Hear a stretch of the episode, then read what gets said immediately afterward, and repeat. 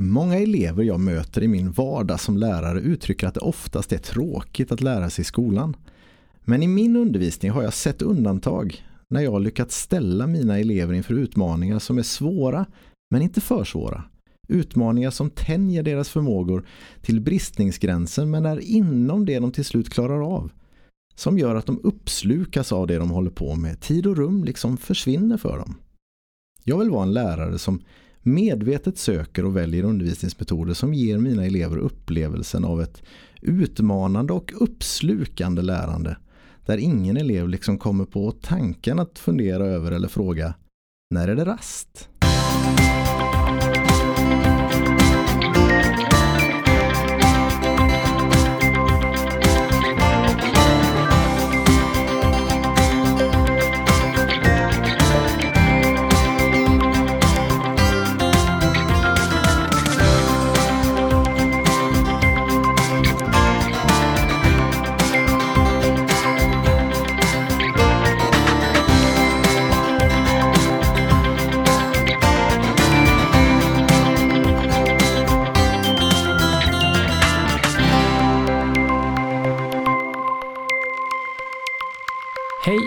Välkomna till podden Jag vill vara en lärare som. En podd där vi pratar om lärande. Och vi som gör detta heter Daniel Johansson och Daniel Dahlström. och vi jobbar båda som SO-lärare på Furulidskolan i Aneby. Mm, allt är som vanligt. Ja, det är det. Det är afton när vi sitter med detta och vi håller på och eh, spelar in ett avsnitt idag som ska handla om flow. Vi har gjort senast pratat om aktivt lärande Mm. och en del av det vi eh, nämnde då kommer dyka upp idag igen tänker jag. Det finns vissa kopplingar. Ja, men det är en logisk följd att komma med flow nu tycker vi. Mm. Och då tänker jag givetvis vad detta är för någonting. Så vi kommer definiera vad begreppet är för någonting. Du kommer få uttala alla svåra namn Daniel. Vad Eh, roligt. Ja, Tack, det tack. finns en del sådana. Eh, vi kommer också dela en del eh, personliga erfarenheter. Både i vårt arbete och också utanför vår yrkesroll när vi upplevt det här. Och vi kommer faktiskt koppla det till eh, undervisning och lärande. Det känns relevant. Och sen faktiskt ge några exempel på metoder som kan skapa flow-liknande upplevelser. Mm. Mm, Lite typiskt också att köra ett sånt där engelskt begrepp igen. Mm. Nu kommer det flow. Den här killen med det svåra namnet, kan du säga det på en gång? Jag kan ju försöka. Ja. Mihai Csikszentmihalyi. Tror Vem är, jag. vem är han? Han är en ungersk-amerikansk psykologiprofessor som i, ganska många år nu har, har eh, undersökt det här med som han kallar för flow. Flöde på svenska låter ju lite sådär, jag vet inte. Men, men flow säger han och, och mm, han verkar ju inom fältet positiv psykologi som det kallas. Mhm. Ehm, och det, han kommer egentligen, det började med att han, han undersökte begreppet lycka. Och så hamnar han i det här med det han kallar för flow. Han såg ett mönster liksom. Vad som verkar skapa lycka hos människor. Bra. Och lycka och lärande, det hänger Mm. väl ihop? Mm, Ja. Absolut, absolut.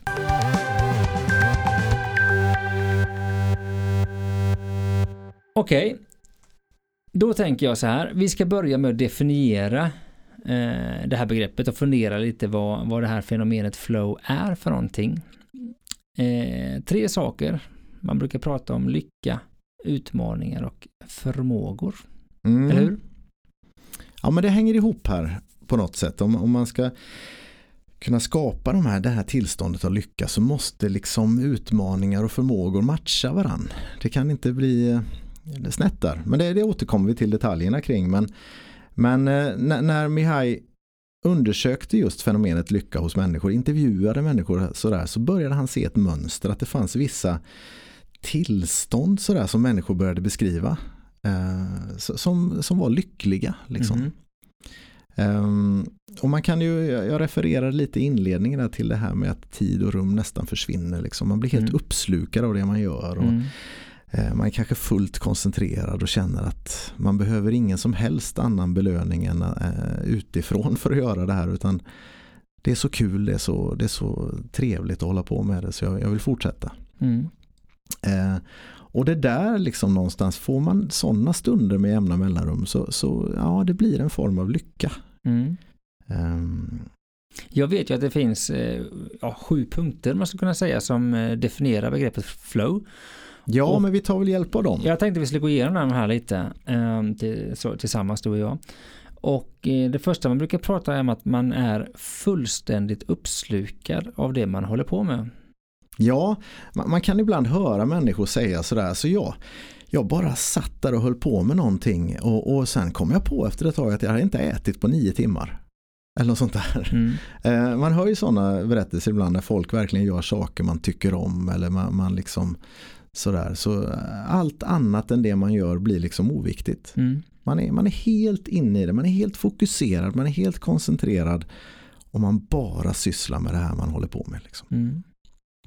En annan grej då, eh, eller nästa punkt, är ju det här att eh, ett slags känsla av extas Ja, det låter sig. kanske lite flummigt. Ja, men, det är nästan som att man blir upp i det blå lite kanske. ja men, men det, det hör ihop här liksom. Att, och, och kanske det ofta har att göra med någon typ av estetisk verksamhet. Jag vet inte, kanske om man sitter och spelar musik eller man, man håller på och målar en tavla. Eller så man skapar någonting som liksom nästan skapar sig självt kan man höra ibland. Att, eh, att det liksom, eh, jag vet inte, jag hade en låt inom mig och sen kom den ut kan man höra folk säga ibland. Eller det var en tavla som nästan målade sig själv. Eller. Det, det kan nästan vara en övernaturlig upplevelse Mm. att vara så djupt inne i sitt skapande på något sätt. Mm. Bra. Nästa punkt är stort inre fokus.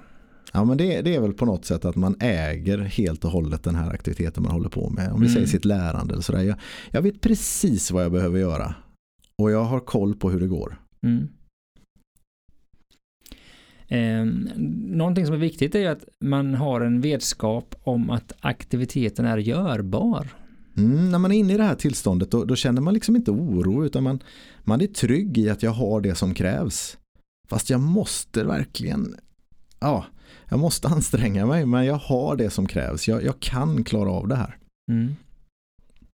Motsatsen är ju alltså när man ser slags hinder och man nästan ger upp innan utan den, den känslan infinner sig inte då utan man helt enkelt tänker att det här kommer jag fixa. Ja, nej, men det är en trygg känsla Ja. om, om man ska beskriva det här med flow. Och det, det hänger ihop med nästa punkt som jag tänker på att man kanske har en känsla av lugn. Ja, nej, men det, det finns ingen oro här. Det, de hänger verkligen ihop och, och upplevelsen någonstans kan nästan vara utanför mig själv på något sätt. Att det, det, det är större än bara jag. Det är inte jag i fokus liksom utan jag håller på med någonting som, som upptar hela mig. Mm. Så att då, då, då känner jag mig lugn och fokuserad. Mm. Punkt 6 då utav de här sju som vi skulle ta upp det är att tiden tycks försvinna. Ja, verkligen. Flera timmar kan kännas som minuter. Sådär. Eh, Jag tror att många av oss har varit med om det någon gång. Eh, Den där känslan att oj, är klockan redan så mycket? Mm. Och sen då till sist då att man känner en inre motivation. Ja, Vi har ju pratat om motivation en gång, det här med inre och yttre motivation och sånt där. Och här pratar vi då om inre motivation. Ja, och som vi tänker inre motivation det är ju det här att, att drivet kommer inifrån. Det finns ingen annan, det spelar ingen roll om någon skulle ge mig pengar för det här eller någon annan typ av belöning utan jag gör det för görandets skull. För att det, det ger mig så otroligt mycket tillbaka bara att hålla på med det här. Liksom. Mm. Det känns ju nästan som en religiös upplevelse, tänker jag som religionslärare. Oj oj oj vad vi målar upp här. Ja, nej, men det känns Eh. stort. Ja, och, och ibland kan nog alla sju de här punkterna vara med på en gång. Ja. Och då får du den här riktiga flow-upplevelsen. Liksom. Mm. Jag tänkte då, som vi har pratat lite om vad det kan innebära och vi, vi kan vänta lite med att ta eh, skolans kontext och miljö och prata lite om då eh, personliga erfarenheter av det här med att flow, ja upplevelsen av flow. Mm. Och jag tänkte då alltså i vardagslivet, eller Ja, precis. du har erfarenhet av detta antar jag? Jo, men det, jag kan... Det är kul att sätta sig och tänka så här lite men det, det dök upp ett par tankar här nu direkt liksom och, och en är en väldigt, eh, det är nog 20 år sedan drygt tror jag. När, när jag, jag minns en gång jag skulle hälsa på några gamla kompisar och, och så var det innebandymatch på kvällen där liksom. De skulle spela på skoj och jag kom dit, hade aldrig spelat med dem innan liksom, eller i alla fall inte på många år. Och på något sätt så minns jag den där kvällen att allt bara funkade de var ungefär lagom bra för mig. Mm. liksom. Så jag kunde spela ut hela mitt register och jag kände att allt det där jag hade övat på, det bara satt. Vad jag än försökte mig på liksom, så, så bara flöt det. Jag hade kunnat spela innebandy hela natten liksom, kändes det som. Höll det på länge? Ja, vi höll på ett par timmar i alla fall. Ja. Men det, det var en otroligt cool känsla faktiskt. Ja. Eh, Och jag glömmer den aldrig. Jag har spelat väldigt många sådana här innebandymatcher på skoj med kompisar. Liksom. Men, men den gången var helt galet var det liksom bara flöt. Mm. Så det, det skulle jag vilja beskriva som, som flow. Mm. Att det var precis lagom svårt. Mm. Jag, jag, jag hade motståndare som jag kunde liksom eh, på något sätt göra bort när jag ville. Eller Mm. säga. Och, och det, ja, och, och, men jag fick ändå ut, anstränga mig till det yttersta. Liksom. Mm. Eh, otroligt härlig känsla. Mm. Något mer? Ja, jag, jag- är lite nyfiken på dig Daniel. Ja, Eh, jag- har du upplevt den här grejen? Ja Liksom? men alltså min, min eh, första tanke när jag tänker på det här det är ju faktiskt när jag själv då sitter och spelar eh, gitarr är det oftast. Mm. Mm. Och jag, det kan jag göra eh, stunder som avkoppling, ganska långa stunder.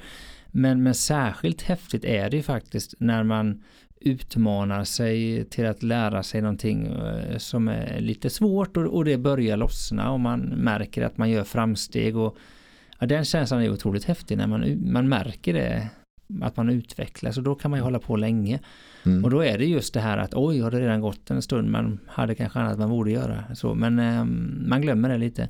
Jag är hemskt ledsen men i min musikkarriär så kan jag inte relatera. Nej, Jag kom aldrig dit. Nej. Liksom. men jag har å andra sidan testat golf någon gång, jag upplevde inte heller flow där kan jag säga. Nej, ja, annars är ju golf just en, Ja, en sån jag eh, där jag kan känna att eh, någon enstaka gång sådär så har man varit inne där i, det där det känns som flow liksom. Det, Mm. det mesta bara flyter liksom. Mm. Man, det kanske har varit knackigt i många, många rundor Mm. men sen faller det på plats liksom Mm. och så. Det, det, är en, det är en häftig upplevelse. Mm. Vi har ju barn och även jag gillar ju att spela datorspel. Och det bygger ju mycket på det här med att man, man utmanar sig, man levlar, man, man, eh, man kan låta ganska lång tid gå. Så. Ja men verkligen. Och, och det geniala någonstans med, med datorspel eller tv-spel och sådär är att de ofta verkligen anpassar svårighetsgraden Ja. till, till dina eh, förmågor. Mm. Hela tiden som du säger, man levlar. Blir det lite för Mm. lätt, ja men då kliver Mm. man upp ett Mm. steg och då blir det svårare. Och då blir det ännu mer belönande på något sätt när jag Mm. klarar det. Vi borde göra ett avsnitt och prata om lite om det här med att eh, utmana på rätt nivå tänker jag i Mm. lärandet. Det ligger ju väldigt nära det här. Mm. Eh, För, för det är hela tiden kopplingen, utmaningen och mina förmågor som måste vara rätt här. Liksom.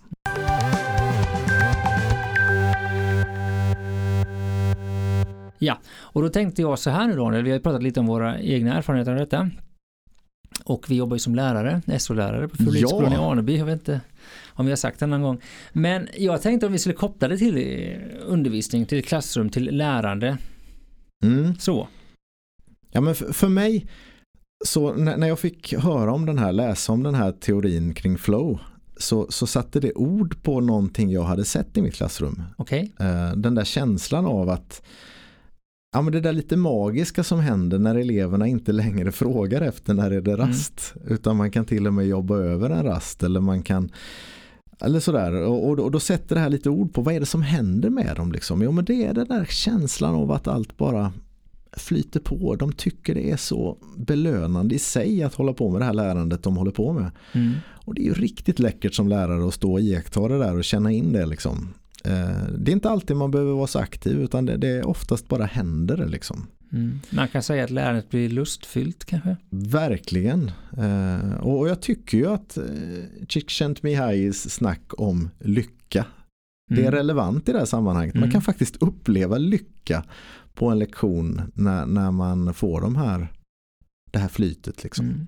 Men då tänker jag så här då att eh, är det här bara slumpmässigt eller kan man, finns det några nycklar som gör att man faktiskt kan försöka söka det här tillståndet för att det, det låter ju attraktivt att komma dit åtminstone ibland. Mm.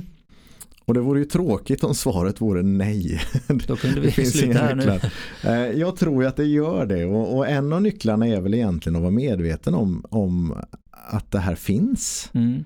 Eh, och att eh, lite grann mekanismerna bakom och hade det varit ultimat nu så skulle vi ha visat upp ett diagram här i våran podd och det kanske vi kan lägga ut ett sånt men, men eh, vi kan tänka oss ett diagram faktiskt, det är inte så krångligt. Nej, Att man med en X och en Y-axel. En X och en Y-axel och, och då på Y-axeln så tänker vi oss utmaningsnivå. Mm, okej. Alltså hur svårt är Ja. det här? Liksom. Eh, och på X-axeln så tänker vi oss förmågor.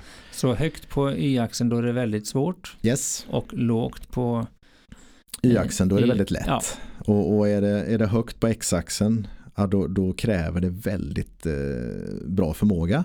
Skills liksom. Ja, jag förstår. Eh, och är, det, är den långt ner där så, så, så är det väldigt lätt. Mm. Eller det kräver inte Mm. så mycket förmåga menar jag. Nej. Ja, precis.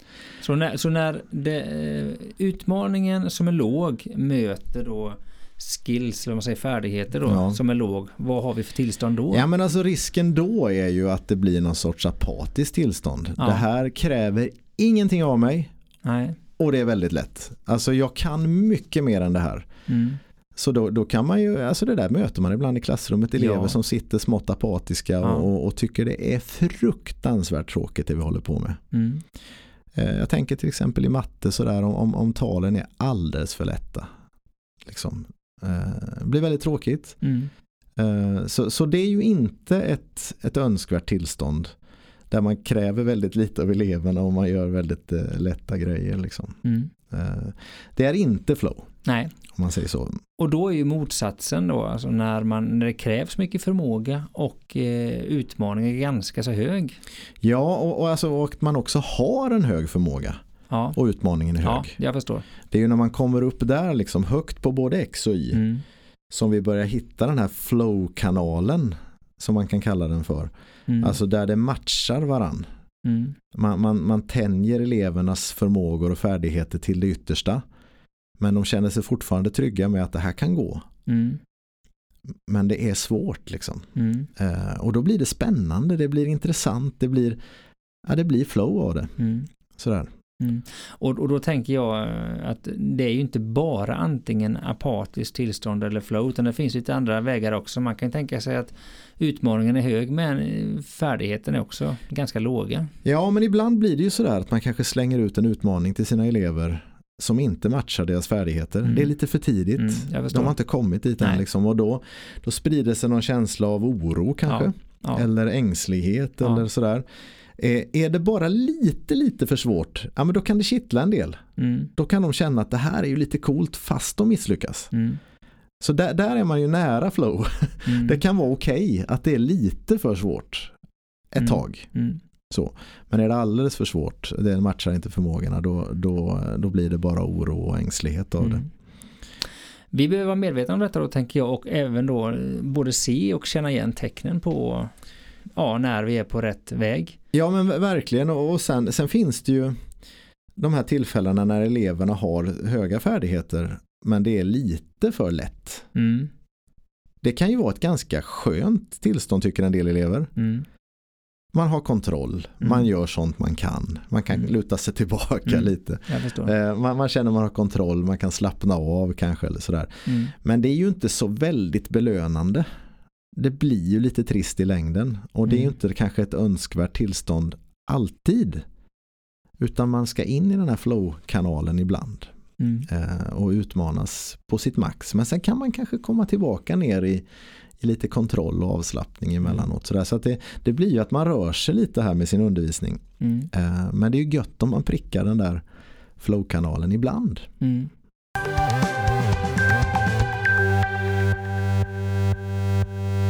Då tänkte jag att vi skulle titta på lite metoder. För jag vet ju att vi, har, vi är ju där ibland och vi kan ibland efter lektioner komma och säga att idag var det riktig flowkänsla.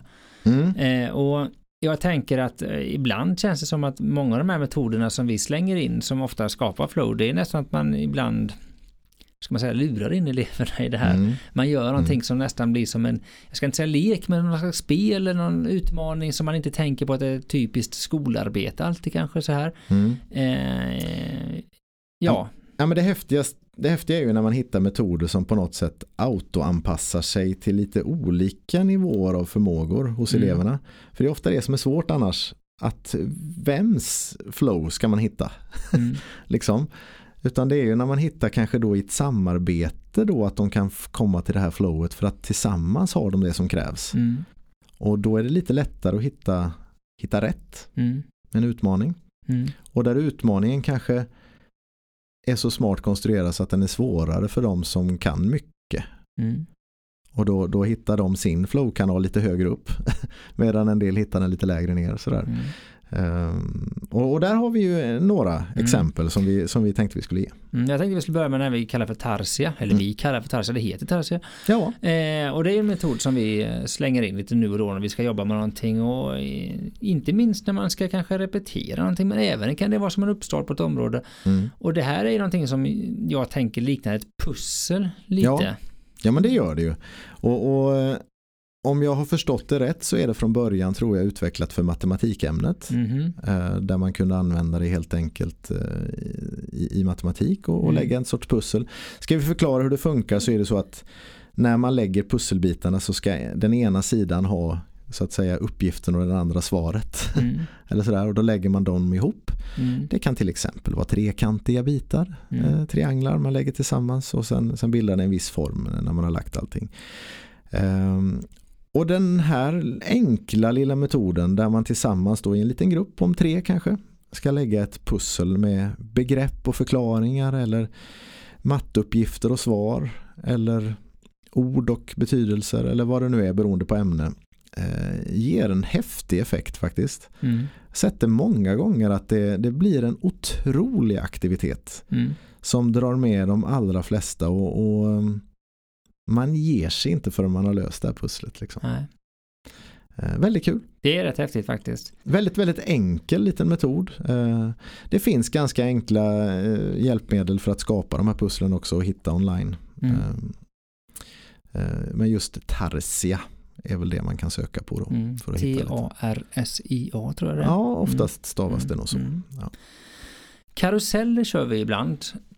Mm. Där man sätter eh, ja, hälften av eleverna i en, kan man säga, en innerring.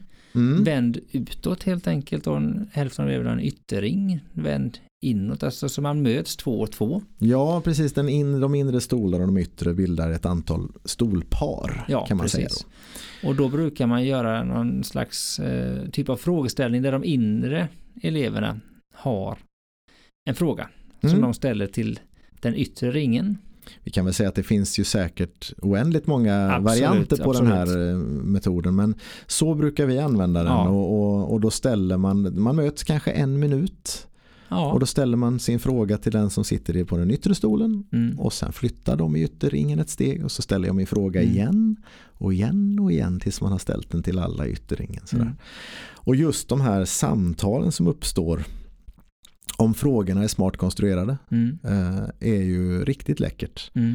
Eh, det är sorlet som stiger liksom och, där man som lärare ja, mest bara iakttar och Mm. finns med som Mm. tidtagare Mm. eh, och sådär. Ja, det, är, det är väldigt svårt att höra vad folk säger. Jag tänker ibland man ska gå runt och lyssna på diskussioner men det är sånt väldigt sål.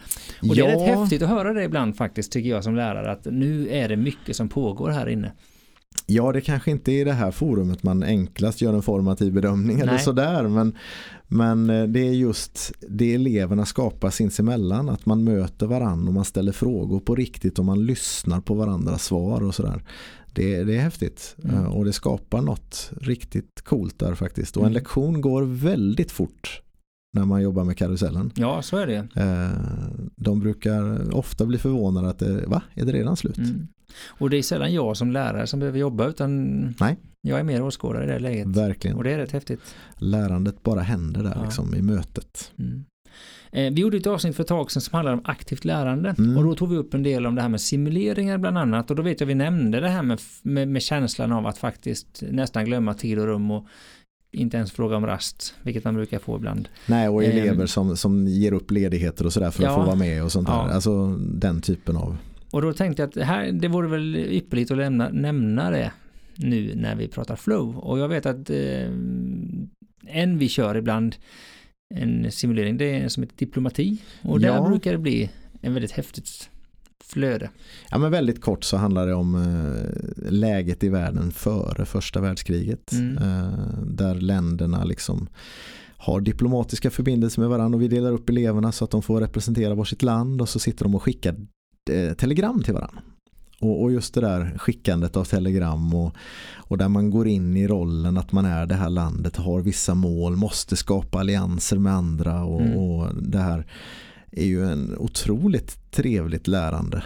Mm. Där, där de, eh, alla elever dras med. Liksom. Mm. Eh, och, och, där det också finns då vissa moment i det här där det kommer lite överraskningar och, och, och vi, vi gör det lite levande med historien där och så kan man efteråt eh, jämföra med hur det gick till på riktigt och man ser likheter och skillnader och sådär.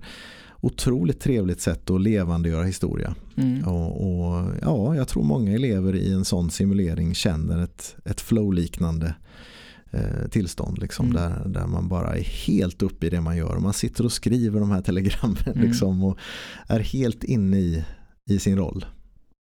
Eh, väldigt, väldigt kul att se och mm. vara, vara en del av. Mm. Mm. Alla de här tre exemplen, både Tarsia och den här karusellen och simuleringen, det är ju eh, situationer där vi kanske gör någonting som påminner eller liknar någon slags spel eller mm. lite men det här med flow kan man ju även uppleva när man gör en, en ren konkret lektion. Jag, jag vet bara för några veckor sedan hade vi lite smågruppsarbete, de fick jobba tre och tre med lite um, arbeten kring olika världsreligioner och sånt där och där, där var det som man kunde känna den här mm. flow-känslan, alla inför arbetet man försökte göra, de skulle göra en affisch tror jag så snyggt som möjligt och man försökte, ja men man jobbade verkligen med det och det, där behövde jag inte lura in dem i det här flow-läget eller vad man ska säga. Så det, det här kan ju uppstå i andra situationer också, jag vill bara poängtera det. Ja liksom. men verkligen, så... jag, jag sitter och tänker nu på när jag har läst eh, vissa böcker. Ja. Eh, jag kommer ihåg kanske första gången jag upplevde det här när jag läste Vilhelm Mobergs utvandrarserie ja. en sommar och jag kunde liksom inte sluta. Jag var helt inne i, boken var precis perfekt för mig då. Ja på något sätt. Ja. Den matchade min förmåga som läsare ja. kanske. Eh, verkligen ett flow-liknande tillstånd. Så det, det, finns ju många varianter på det här. Men, men jag tror ju ändå att vi kanske oftast har sett det när vi gjort den här elevaktiva mm. delarna liksom, mm. på något sätt. Mm. Jo men det är nog ganska så att det är ofta eleverna som är väldigt aktiva i de här flow ja, situationerna mer än jag. Jag tror inte att de så ofta känner den känslan när man själv står och berättar eller sådär, även om det kan vara väldigt bra på andra mm. sätt. Mm. Men det kanske inte skapar just flow. Nej. Eh, Nej. Så. Kan vara bra ändå. Ja. Bra Daniel. Ja, då ja. börjar vi väl avrunda med att säga att eh, du har lyssnat på podden Jag vill vara en lärare som som idag handlar om att vara en lärare som medvetet söker och väljer metoder som kan ge eleverna en upplevelse av flow. Alltså ett upp, lustfyllt och lärande, kanske till och med en stund av lycka mitt i undervisningen. Mm. Följ oss gärna via vår Facebook-sida som heter just Jag vill vara en lärare som eller vår hemsida som heter Jag vill vara en lärare som.se. När du lyssnar på oss så gör du det via Soundcloud eller någon annan sida eller app där poddar finns. På Facebook och via mailadressen som är daniel jag vill vara en lärare som.se kan du ge respons, du kan ställa frågor eller komma med idéer till oss och gör gärna det. Och med dessa ord så tackar Daniel och Daniel för oss. Vi hörs snart igen.